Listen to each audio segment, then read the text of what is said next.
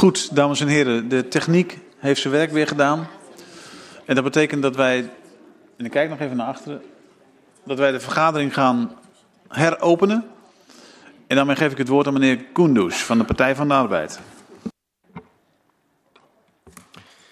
Ja, dank u, voorzitter. Um, ik heb ook een aantal vragen. Um, laat ik gelijk beginnen met um, dit vordering, uh, verordening.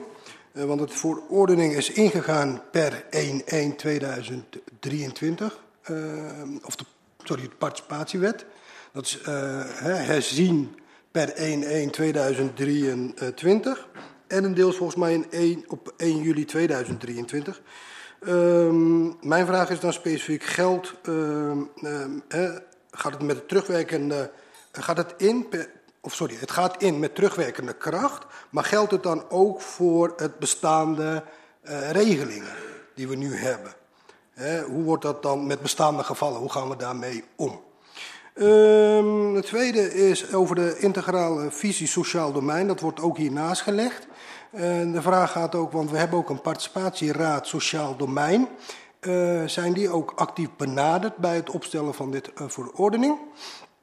verordening? dan heb ik nog een vraag.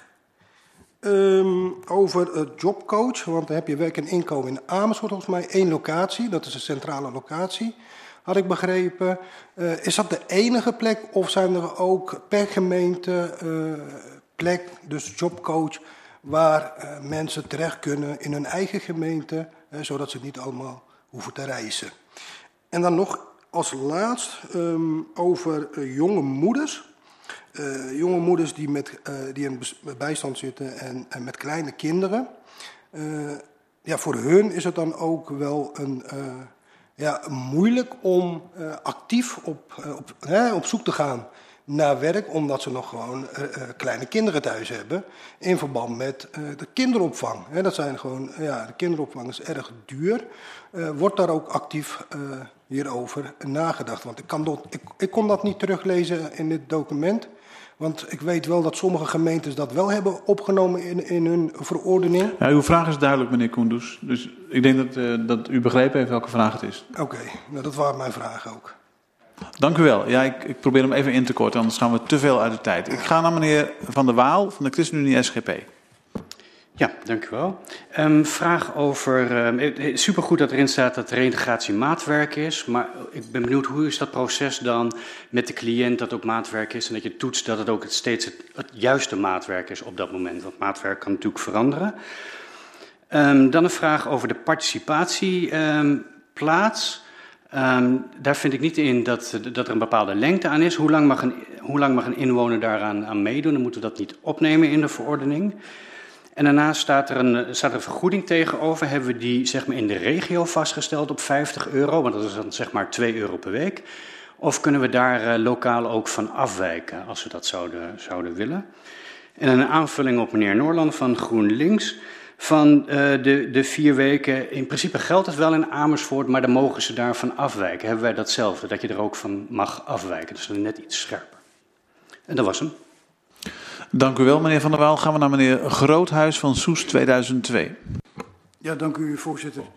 Ja, onze fractie hecht er grote waarde aan dat we ook de verordeningen die opgesteld zijn ook goed kunnen controleren of ze wel werken. Of...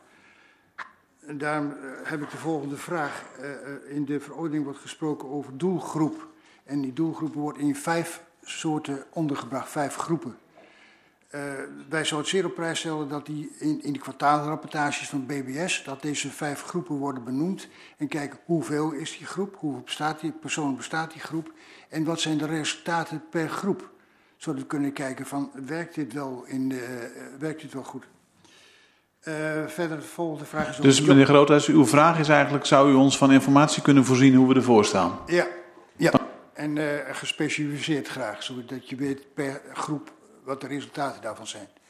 De volgende vraag is op jobcoaches. Zijn die in dienst van BBS?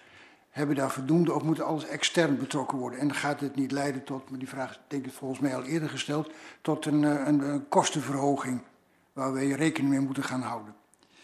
En de derde vraag is, ja, er wordt op een gegeven moment gesproken over tegenprestatie.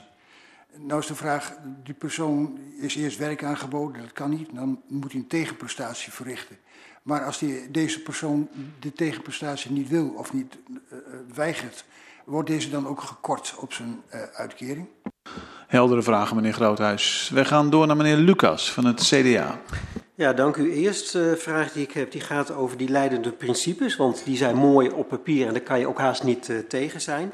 Uh, mijn vraag is, uh, zijn die ook wel werkbaar in de uitvoering? Want het gaat er mij vooral ook om van dat je er mee aan de gang kan gaan. Uh, dus is ook gekeken hoe die verordening leidt tot meer participatie, want dat is uiteindelijk het doel van, van de verordening. waar zit de ruimte voor BBS en is het ook op die manier mogelijk om maatwerk te leveren? Tweede vraag, dat is eigenlijk een soort vraag die de heer Groothuis al heeft aangegeven. Hoe kunnen we hoe, hoe, is na te gaan uh, of de maatregelen ook uh, werken, omdat er ook weer heel veel wordt uitgegaan van individueel maatwerk. En dan is natuurlijk lastig om dat dan allemaal weer te gaan uh, optellen. Dus hoe precies, dat maakt me eigenlijk niet veel uit. Maar ik heb net ook al wel begrepen dat het mogelijk is om kwartaalrapportages aan te geven hoe de stand van zaken is.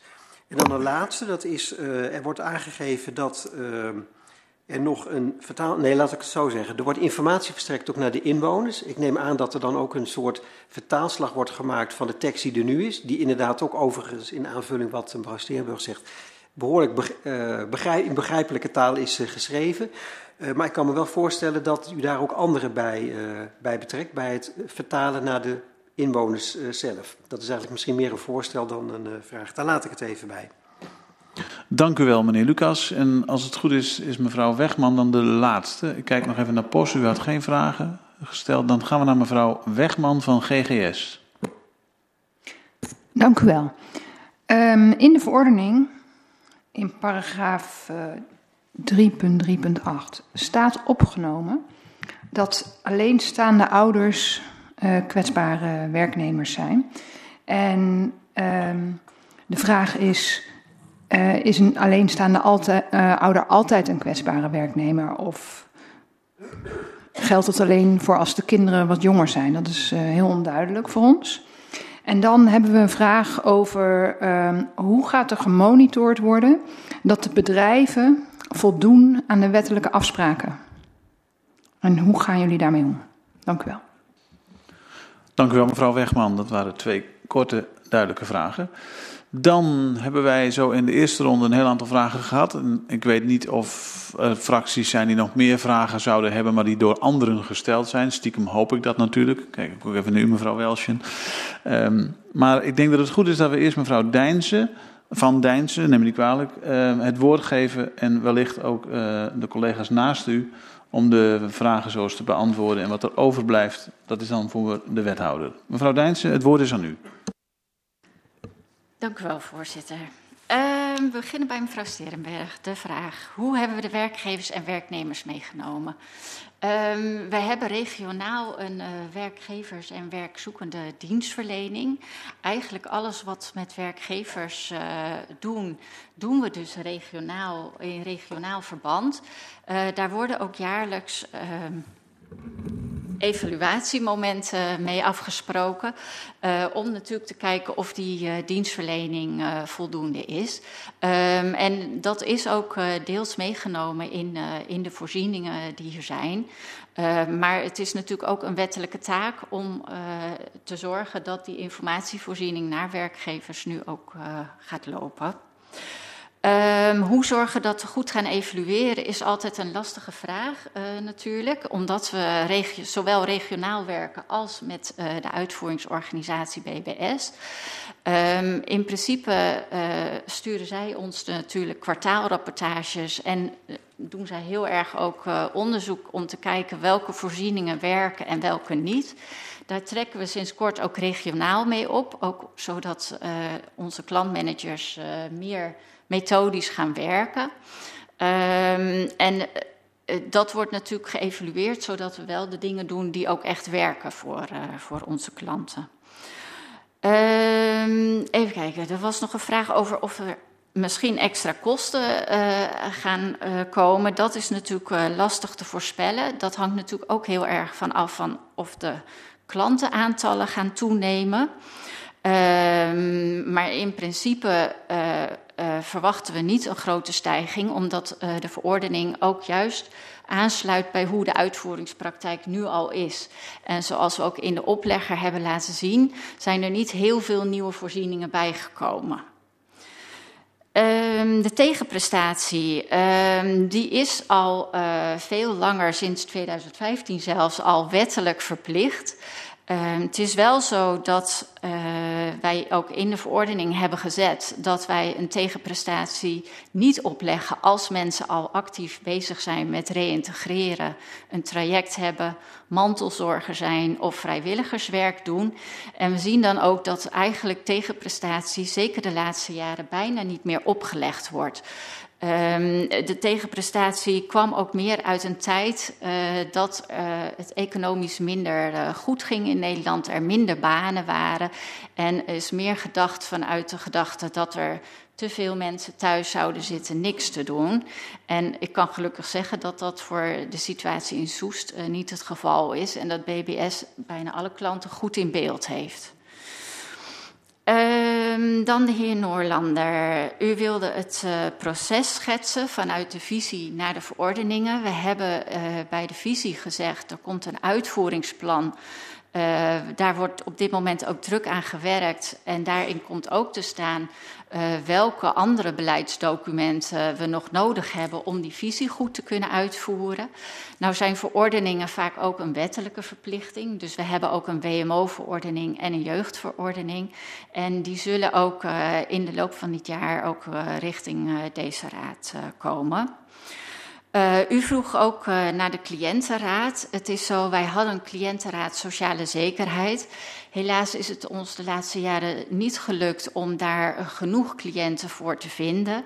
Um, en eigenlijk volgens de verordening van die cliëntenraad kunnen we op dit moment ook niet meer spreken van een cliëntenraad, omdat er nog maar twee mensen zijn. We zijn toen ook in gesprek gegaan met BBS of we daar misschien een andere oplossing voor konden vinden, met deze twee leden ook. En daar is een uh, cliëntenpanel BBS voor uh, in de plaats gekomen. En die is ook BBS breed. Dus daarmee werd ook meteen gezocht naar cliënten in uh, de gemeente Baren en Bunschoten. het is wel zo dat een cliëntenraad gaat meer over beleid. En dat hebben wij nu belegd bij de participatieraad Sociaal Domein. En het cliëntenpanel praat met BBS over uitvoeringsdingen. Um, even kijken, over de vier weken zoektermijn had u een vraag. U zei dat het in Amersfoort uh, niet meer plaatsvindt. Nou werken wij uh, voor de jongeren uh, met Amersfoort samen in het zogenaamde jongerenloket. Dus alle jongeren die melden zich in principe in Amersfoort. En wij hebben met Amersfoort ook de afspraak dat de vier weken zoektermijn, die een wettelijke verplichting is nog steeds, uh, alleen geldt voor jongeren die eigenlijk uh, direct aan het werk kunnen of naar school kunnen. Um, voor kwetsbare jongeren, dus jongeren waar veel meer uh, mee aan de hand is en die niet direct naar school of naar werk kunnen, die worden meteen al warm overgedragen. Dus daar passen we de vier weken zoektermijn niet op toe. Dat is gewoon een regionale afspraak. En er zijn ook uh, landelijk uh, uh, voornemens om dat te gaan wijzigen in de participatiewet. helaas moet dat nog natuurlijk op zich wachten, omdat er nog geen nieuw kabinet is. dan mevrouw Welsje. Uh, ook u had een vraag natuurlijk over uh, de kostenstijging en die nog niet in de kadernota is, uh, is meegenomen. dat komt eigenlijk omdat we toch zeggen dat dit deels beleidsarme wijzigingen zijn. dus we verwachten ook geen echt grote toenames in, in kosten. Uh, dan de vraag over waarom met terugwerkende kracht uh, per 1 januari. We waren eigenlijk al veel te laat. Uh, het had eigenlijk al per 1 juli moeten zijn. Ehm, het sloot gelukkig wel aan bij uitvoeringspraktijk. Dus um, uh, we hebben niet gezien dat er nu uh, mensen eigenlijk of werkgevers ook uh, ergens behoefte aan hadden en dat niet hebben gekregen. Maar in theorie zou het natuurlijk zijn dat tussen nu en het vaststellen van de verordening er misschien wel al een werkgever komt vragen om loonkostensubsidie en dan misschien moet verwezen worden naar een oude manier van werken. Dat wilden we tegengaan. Dus we hebben gezegd vanaf 1 januari werkt de BBS gewoon al volgens de verordening en dan laten we hem ook per 1 januari vaststellen. Ehm, de vraag over de jobcoach, dat kan denk ik het beste uh, Mieke Natter, de kwaliteitsmedewerker, misschien beantwoorden. Over de kosten van jobcoach. En misschien ook een latere vraag die door de heer Groothuizen al is gesteld: of de jobcoaches in dienst zijn bij de BBS. Ja? Oh, ik ben goed te horen, ik hoor mezelf. Um, de jobcoaches voor de uh, banenafspraak, dat zijn dan gecertificeerde jobcoaches. Uh, die worden uh, extern ingehuurd, omdat die aan bepaalde voorwaarden moeten voldoen. Dus die komen van buiten. Jobcoaching intern, goed, dat noemen we dan anders. Die worden door onze eigen klantmanagers gedaan. Of door ehm, de jobhunters, wat een stukje begeleiding geeft op de werkvloer. Ja, voor de kosten. Ehm, meestal wordt gehanteerd het, het, uurloon wat het UWV hanteert. Dat wordt, jaarlijks wordt dat geïndexeerd. Dat is eigenlijk ongeveer een leidraad. Um, sommige zitten eronder. Ja, en er zitten er ook een paar boven, maar het gaat om enkele tientjes. Ja, tot zover. Ja, dan was er nog een vraag uh, over die jobcoaches. Iemand vroeg of de jobcoaches alleen maar vanuit Amersfoort werken. of dat ze ook op andere locaties zaten. En of ze in dienst zijn van BBS. Maar daarvan zei u dat ze ingehuurd worden? Ja, nee, ze zijn niet in dienst bij BBS. Dus alleen voor de baanafspraak zijn dan gecertificeerde jobcoaches. Die worden extern ingehuurd. Ja, dat kan feitelijk overal vandaan komen. Dus dat is niet specifiek Amersfoort. Dat zijn allemaal verschillende partijen. Uh, ja. Nee, maar de vraag was of, um, of um, de doelgroep van u, of die naar Amersfoort moet om met een jobcoach te spreken. Nee, nee, nee, zeker niet. De jobcoach wordt eigenlijk pas ingezet op het moment dat iemand gaat werken of naar uh, een participatieplek gaat. Is ook soms een idee om dan een jobcoach al in te zetten. Uh, de jobcoach komt altijd na het werk van de kandidaat. Dat is een helder antwoord op een vraag die ergens rechts gesteld werd. Meneer Koenders ja. was dat. Oké, okay. um, dan ga ik terug naar mevrouw Van Dijnsen. Um, ja, dan zijn we inderdaad bij meneer Gunes zijn vragen. Um, uw vraag was of uh, de participatieraad actief uh, betrokken is bij deze verordening. Uh, daar hebben we wel gevraagd wat zij konden betekenen. Het was alleen zo dat op het moment, en ik spreek toen over juli vorig jaar, dat we dachten we moeten aan de slag met deze verordening. Uh, toen is ook gezegd van dat wordt een te korte tijd om daar ook actief inwoners bij te betrekken. Want dat is eigenlijk de rol van de participatieraad. Hè, om met ons mee te denken hoe we hier inwoners bij kunnen betrekken. En om zo'n traject nog te starten voor de verordening hadden we eigenlijk geen tijd meer. Dus dat is op dit moment niet gedaan. We gaan wel uh, kijken hoe we dat bij de evaluatie kunnen doen. Um, en dan vooral ook over de informatievoorziening natuurlijk, omdat we inderdaad zeggen we willen meer in begrijpelijke taal. Uh, we willen ook uh, toegankelijker uh, laten zien en transparanter zijn over wat er ingezet kan worden. Ook omdat mensen eigenlijk zelf ook een aanvraagrecht hebben gekregen. dus daar willen we ook zeker over met inwoners in gesprek. Um, de jobcoachvraag was al beantwoord. U had ook nog een vraag over jonge uh, moeders, of daar actief over meegedacht wordt over kinderopvang. Uh, ik kijk toch ook even naar de uitvoering. Doet hij het meteen? Ja, hij doet het meteen. Um, nou, het eerste is natuurlijk het wettelijke dat ook jonge moeders met kinderen gewoon aan het werk moeten. En is er wel gewoon echt een, een goede reden dat ze zeggen van joh, uh, ze kunnen nog even wachten, dan krijgen ze wel een vrijstelling dat ze niet hoeven te solliciteren. Maar ze moeten wel wat blijven doen. Dus ze kunnen niet inderdaad gewoon niks blijven doen en we houden dat in de gaten. Dan moeten ze iets met scholing of iets met vrijwilligerswerk, maar wel in de, goed voor de arbeidsmarkt uh, blijven eigenlijk. Um, maar als ze inderdaad wel aan het werk willen, en die hebben we wel veel, dan inderdaad, dan hebben wij best een groot probleem met de kinderopvang. Uh, dat is een, gelukkig ook wel een landelijk probleem, niet alleen hier in Soest. Um, het is ook BBS breed en ook Amersfoort breed. Um, dus waar we mee bezig zijn, is echt gaan kijken naar oplossingen om dat te ondervangen. En we proberen dat op twee manieren te doen. Niet alleen kinderenopvang regelen, maar ook misschien um, de juiste de mensen aan het werk krijgen om die kinderopvang ook in te gaan. Dus er zijn een aantal pilotprojecten gestart uh, door de gemeente Amersfoort. En die gaan we ook binnenkort naar de BBS halen. En uh, daar zult u nog zeker over horen, want daar zullen ook inderdaad wat, uh, wat regels voor nodig zijn, waar we u uh, zeker van de wethouders, eigenlijk van het college, toestemming voor moeten hebben. Maar het is een groot probleem en we zijn er inderdaad nu sinds anderhalf, twee jaar flink mee bezig om dit probleem op te lossen. Dank u wel. Gaan we terug naar mevrouw Van Dijnsen. Um, de volgende vraag was over uh, van de heer Van der Waal. Uh, uw vraag over maatwerk, uh, in hoeverre dat toegepast kon worden met deze verordening.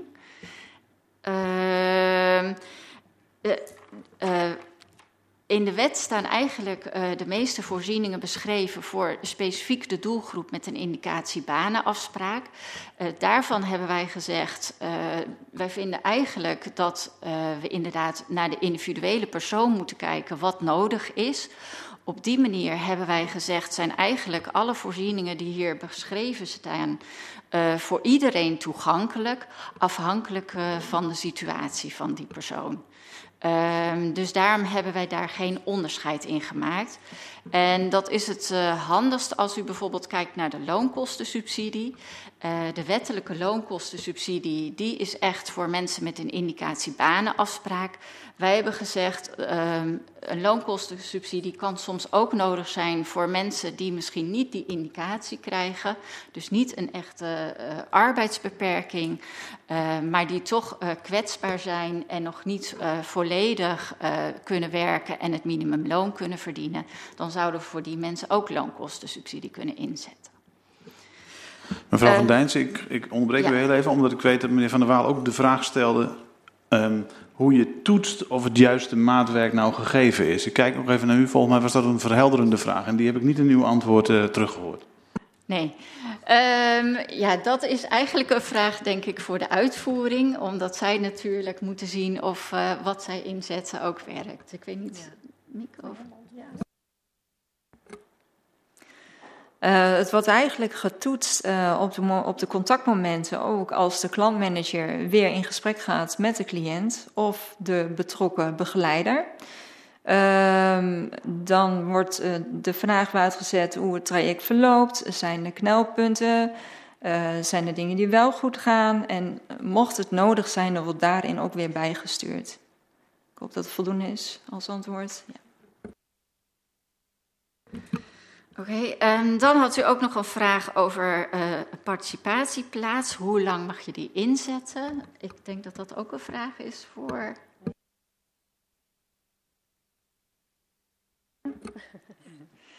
Uh, participatieplaatsen, over het algemeen duurt het uh, ja, toch maximaal wel een half jaar. Uh, het wordt ingezet als voortraject eigenlijk, als toeleiding naar werk. Um, en het is eigenlijk altijd maatwerk. Dus het kan ook zijn dat het maar een maandje duurt voordat iemand toe is aan een volgende stap. Het kan ook zijn dat het iets meer nodig heeft, twee, drie maanden, maar maximaal een half jaar. En dat is eigenlijk al best wel lang. Oké, dan had u een vraag. Um, de premie van 50 euro, die is inderdaad regionaal afgesproken. Dus alle regiogemeenten hebben dit bedrag in hun verordening staan. Um, we mogen daarvan afwijken. Alleen uh, dan creëren we misschien soms uh, ja, uh, rechtsongelijkheid, omdat een participatieplaats niet per se in de eigen gemeente hoeft te zijn. Um, maar dat is uiteraard aan u zelf of u die, die zou willen verhogen. Um, dan de heer Groothuizen. U vroeg of de doelgroepen die we hier hebben beschreven, of u dat terug zou kunnen zien in de rapportages van BBS. Uh, dat zullen wij inderdaad aan u voorstellen, zodat u het een en een met elkaar uh, beter kunt uh, vergelijken.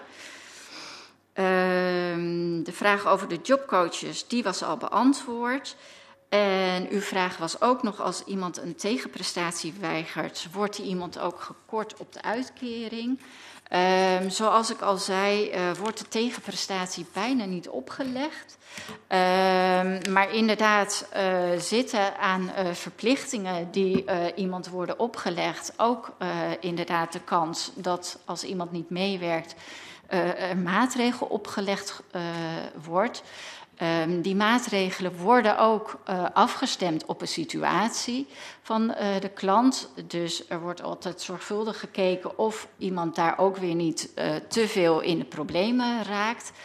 dus als iemand bijvoorbeeld al ook in de schulden zit, dan zijn de medewerkers van BBS zeker uh, kijken ze uh, wat de maatregel gaat betekenen voor deze persoon. Uh, ook het aantal maatregelen, kan ik u trouwens vertellen, is altijd zeer laag bij BBS. Ik heb het cijfer nog even opgevraagd. En vorig jaar zijn er maar tien maatregelen opgelegd voor mensen in, in de gemeente Soest. meneer Lucas, u vroeg, zijn de leidende principes ook werkbaar? Uh, ik, uh, ik, ik, denk, ja, de uitvoering zit hier naast ons, dus ik uh, wil hem eigenlijk de bal graag doorgeven aan, uh, aan Marloes. Ja? Um, ja, eigenlijk heel erg kort, ja. Um, wij doen eigenlijk ook de verordening en alles wat Alice bedenkt, of met de colleges, dat wordt altijd afgestemd met ons. Dus wij we doen daar samen, trekken daar samen in op. Mieke is er niks voor niks als kwaliteitsmedewerker, want die heeft daar ook een grote rol in. Dus um, als er iets staat waar we echt heel erg tegen zijn, dan uh, trekken we aan de bel. Uh, uw vraag was ook uh, een stukje, denk ik, over de evaluatie of hoe we weten of maatregelen werken. daar hebben we al een beetje wat over verteld, natuurlijk.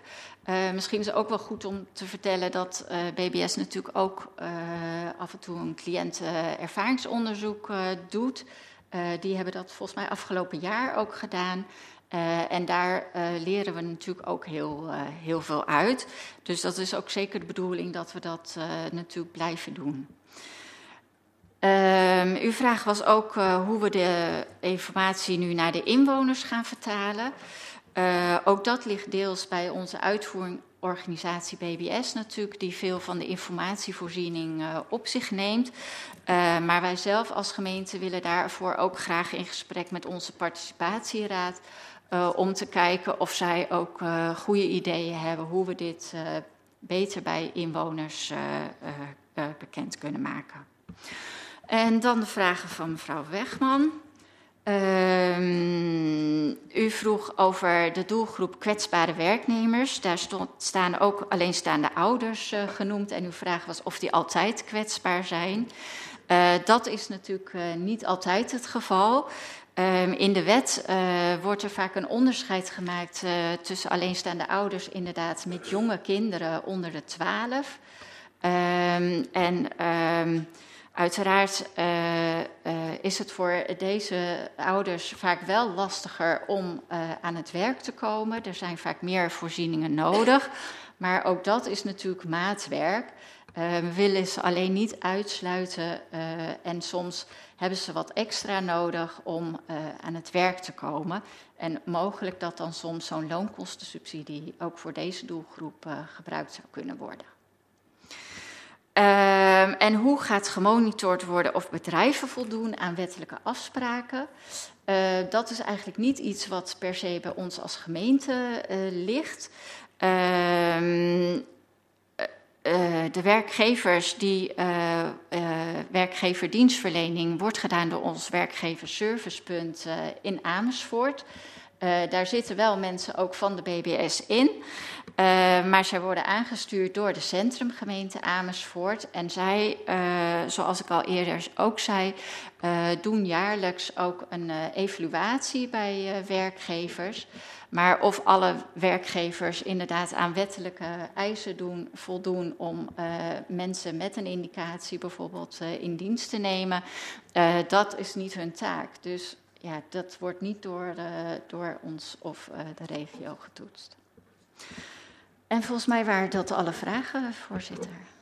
Ik denk dat u de meeste vragen beantwoord heeft. Volgens mij heeft de wethouder ook nog wat op zijn lijstje genoteerd. Ik kijk nog even. Ik geef u het woord, uh, meneer Soena. Ja, toch, toch iets wat meer verduidelijking over uh, um, bijvoorbeeld hoe we mensen echt aan het werk gaan krijgen. Ik ben onderdeel van de bestuurlijke overleg werkbedrijf regio Amersfoort, waarin dus ook uh, werkgeversorganisaties, daarnaast onderwijsinstellingen en de vakbonden zijn aangesloten. Dus die zijn meegenomen ook in dit traject. Daarnaast hebben wij ook de aandacht gevraagd naar lokale ondernemers om meer uh, aan zet te krijgen. Wat we merken is dat de werkgeversorganisaties hun best doen, maar de bedrijven zelf daarin tekortschieten vanwege het feit, denk ik, dat zij te druk zijn met hun business en weinig tijd hebben om naar dit soort zaken te kijken. Daarom proberen wij ook nu, vanaf dit jaar ook hier lokaal, uh, organiseren we ook bijeenkomsten van werkzoekenden, met name ook bijvoorbeeld mensen die nieuw zijn, statushouders die een vergunning hebben gekregen, die proberen we ook in kennis te maken met actieve bedrijven vanuit onze gemeente. Om uh, wat makkelijkere werk alvast te kunnen laten participeren in de werkomgeving, zodat zij niet thuis blijven zitten.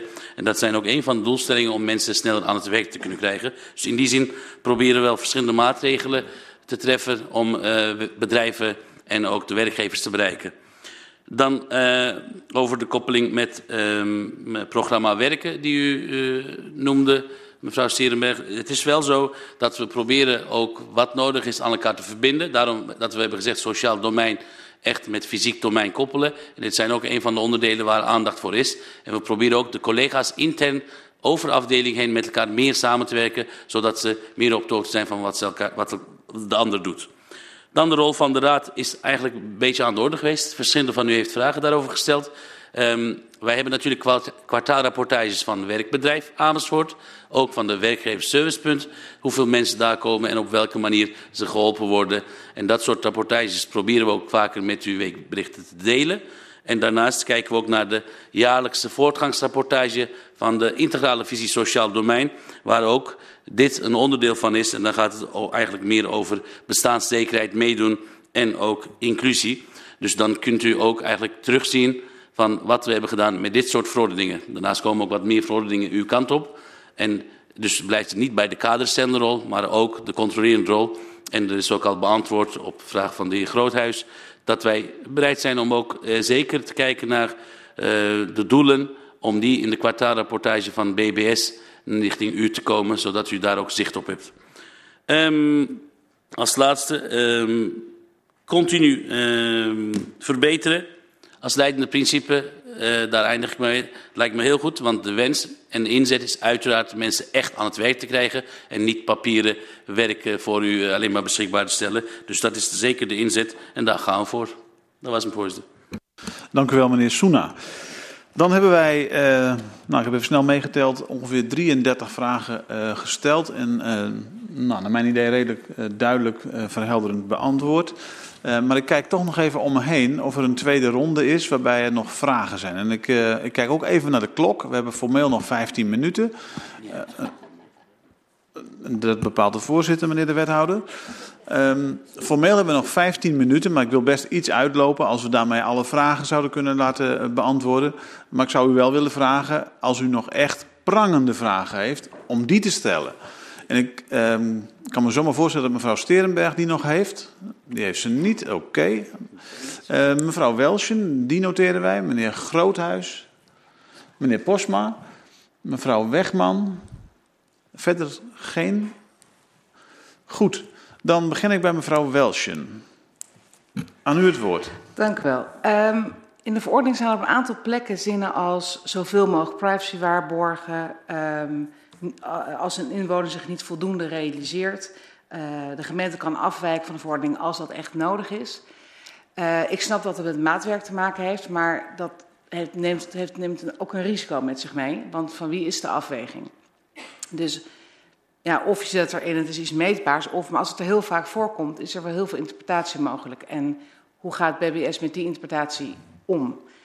Um, daarnaast wordt er in de verordening ook gesproken over dat er werkzaamheden speciaal worden bedacht voor de cliënt.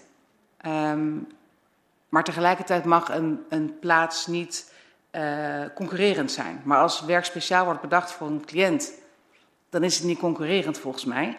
Maar dan vraag ik me ook af, hoe duurzaam is het dan? Als ik werkgever ben en ik bedenk iets speciaal voor iemand anders, uh, dan na een jaar denk ik bedankt, want ja, het heeft geen functie in mijn organisatie en ik ben nog steeds gewoon werkgever. Uh, en tenslotte, ja, dan komt hij toch de jobcoaches rond een 3,24 euro. Als je daar een paar tientjes boven gaat zitten, stijg je toch met 30, 40 procent. Dus is er een maximum tarief aan externe jobcoaches die al nou, niet een hele brede uh, uh, basis nodig hebben, anders een HBO-opleiding en een module jobcoaching, um, gaan we een maximaal tarief eraan hanteren. Dank u wel. Dank u wel, mevrouw Welsjen. Drie uh, heldere vragen. Gaan we naar meneer Groothuis. Ja, dank u. Uh, over de jobcoaches nogmaals. We gaan die dus uh, beter meer inzetten. En mijn vraag was eigenlijk ook van, als we dat gaan doen, zal het ongetwijfeld leiden tot meer kosten. Daar moeten we rekening mee houden dat dit budget erg omhoog gaat. En de tweede, het verbaasde mij dat er zo weinig tegenprestaties worden gevraagd. Is dat echt, zijn alle mensen bemiddelbaar naar werk toe? Dank u. Ja, twee heldere vragen, meneer Groothuis. Dan ga ik naar meneer Postma van POS Soesterberg. Dank u, voorzitter. Um, ik heb ten eerste even een verhelderende vraag over de evaluatie omtrent de inspraak. Uh, hier zou BBS en arbeidsregio Amersfoort bij betrokken zijn. Um, Komt dit dan, hoe dit in het vervolg gaat, nog terug naar de Raad en op welk termijn kunnen wij dit dan verwachten? Um, dan nog een vraag over de cliëntenraad. Bij afwezigheid van een cliëntenraad komt het cliëntenpanel. De vraag is hoe lang is al bekend dat we een afwezig cliëntenraad hebben, maar twee cliënten is afdoende. Uh, is niet afdoende. En um, is dan het cliëntenpanel al in gang gezet? En dan gewoon nog een simpele vraag over hoe mensen uh, van BBS meer informatie over dit cliëntenpanel kunnen vinden. Dank u wel. Dank u wel, meneer Postma. Dan gaan we tot slot naar mevrouw Wegman. Dank u wel. Ik heb dus begrepen dat um, de gemeente en de regio uh, niet de bedrijven controleert. Maar heb ik het nou goed begrepen dat de gemeente wel van plan is uh, om met de bedrijven in Soest daarover in gesprek te gaan? Heb ik niet goed begrepen. Dus dat, dat zou ik graag nog beter willen snappen. Goed. Die vraag gaan we u vast uh, uh, beantwoorden, of laten beantwoorden, mevrouw Wegman. Ik kijk naar uh, mevrouw Van Dijnsen als eerste. Zou u willen reageren op de vragen die gesteld zijn?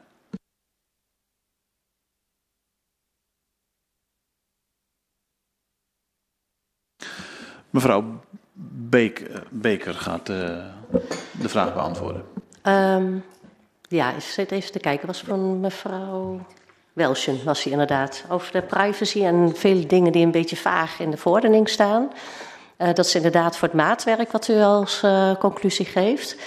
Um, wij willen inderdaad voorkomen dat het echt willekeur wordt en dat mensen inderdaad hun eigen, eigen koers kunnen varen. En misschien Jantje of Pietje niet zo aanstaat en dan strenger kunnen zijn dan Marietje en uh, Stijn die leuker zijn. En dat doen wij door veel intervisie, met elkaar praten van klanten, met elkaar over de praten, delen van gegevens. We hebben ook regelmatig dat we cliënten bespreken in grotere groepen. Uh, en we hebben het vier ogensprincipe. Dus mensen kunnen niet zomaar inderdaad willekeurig beslissingen nemen. Zijn er nou echt beslissingen waar je het over beleid hebt tegen het beleid in, of uh, hele hoge kosten of dat soort zaken, dan moeten ze naar mij toe, naar de team, teamleider. En ook dan kan ik weer met mijn teamleiders en met Alice van gedachten wisselen. Hoe, uh, hoe gaan we hiermee om? Dus op die manier proberen we willekeur uh, te voorkomen. Is daarmee uw vraag beantwoord? Ja?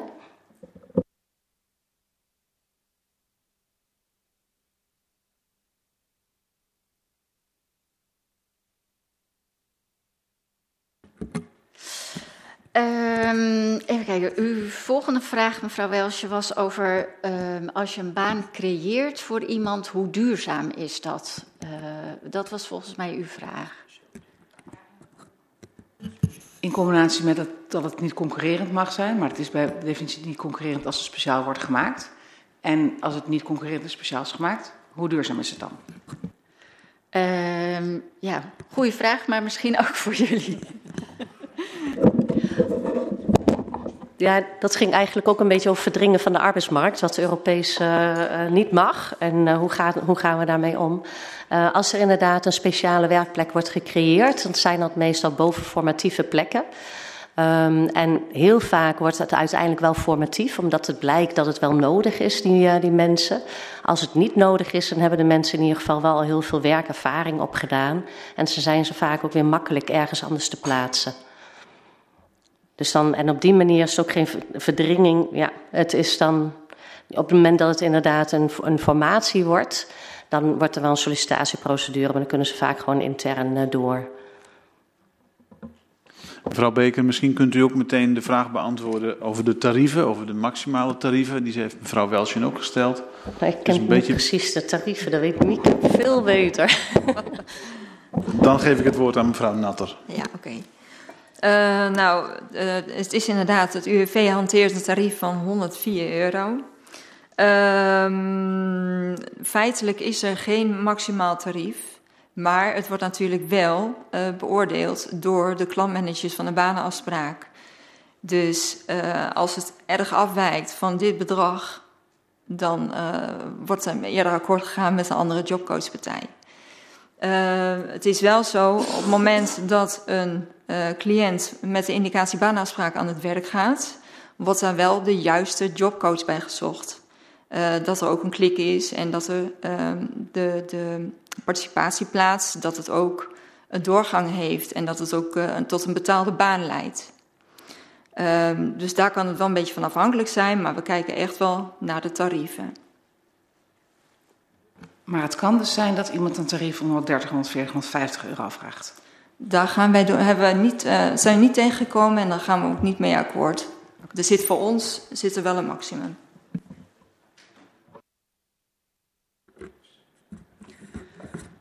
Oké, okay, volgens mij zijn we dan bij de vraag van de heer Groothuis. U vroeg zich af of het inzet van meer jobcoaches niet sowieso leidt tot uh, meer budget uh, wat nodig is en hogere kosten.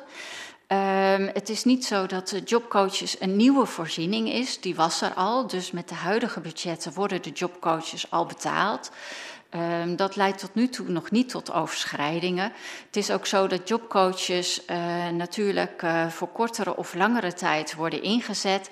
En soms worden ze meer uren of minder uren. Dus daar zitten allerlei flexibele uh, dingen aan bij een, bij een klant. dus ook het budget fluctueert daardoor natuurlijk. Dus wij verwachten ook niet dat er echt extreme, grotere, hogere kostenposten aankomen. Uh, u vroeg zich af hoe kan het dat er weinig tegenprestaties worden opgelegd. Iedereen is toch niet bemiddelbaar? Dat klopt. Uh, veel mensen zijn wel uh, bezig in traject vrijwilligerswerk, mantelzorg, zoals ik zei. Maar er is natuurlijk ook een groep die echt volledig arbeidsongeschikt is. En ook die mensen hoeven geen tegenprestatie te doen. Uh, zoals ook in de verordening is opgenomen, want eigenlijk kunnen zij dat niet. Dus dat is ook de reden waarom er zo weinig tegenprestaties worden opgelegd op dit moment.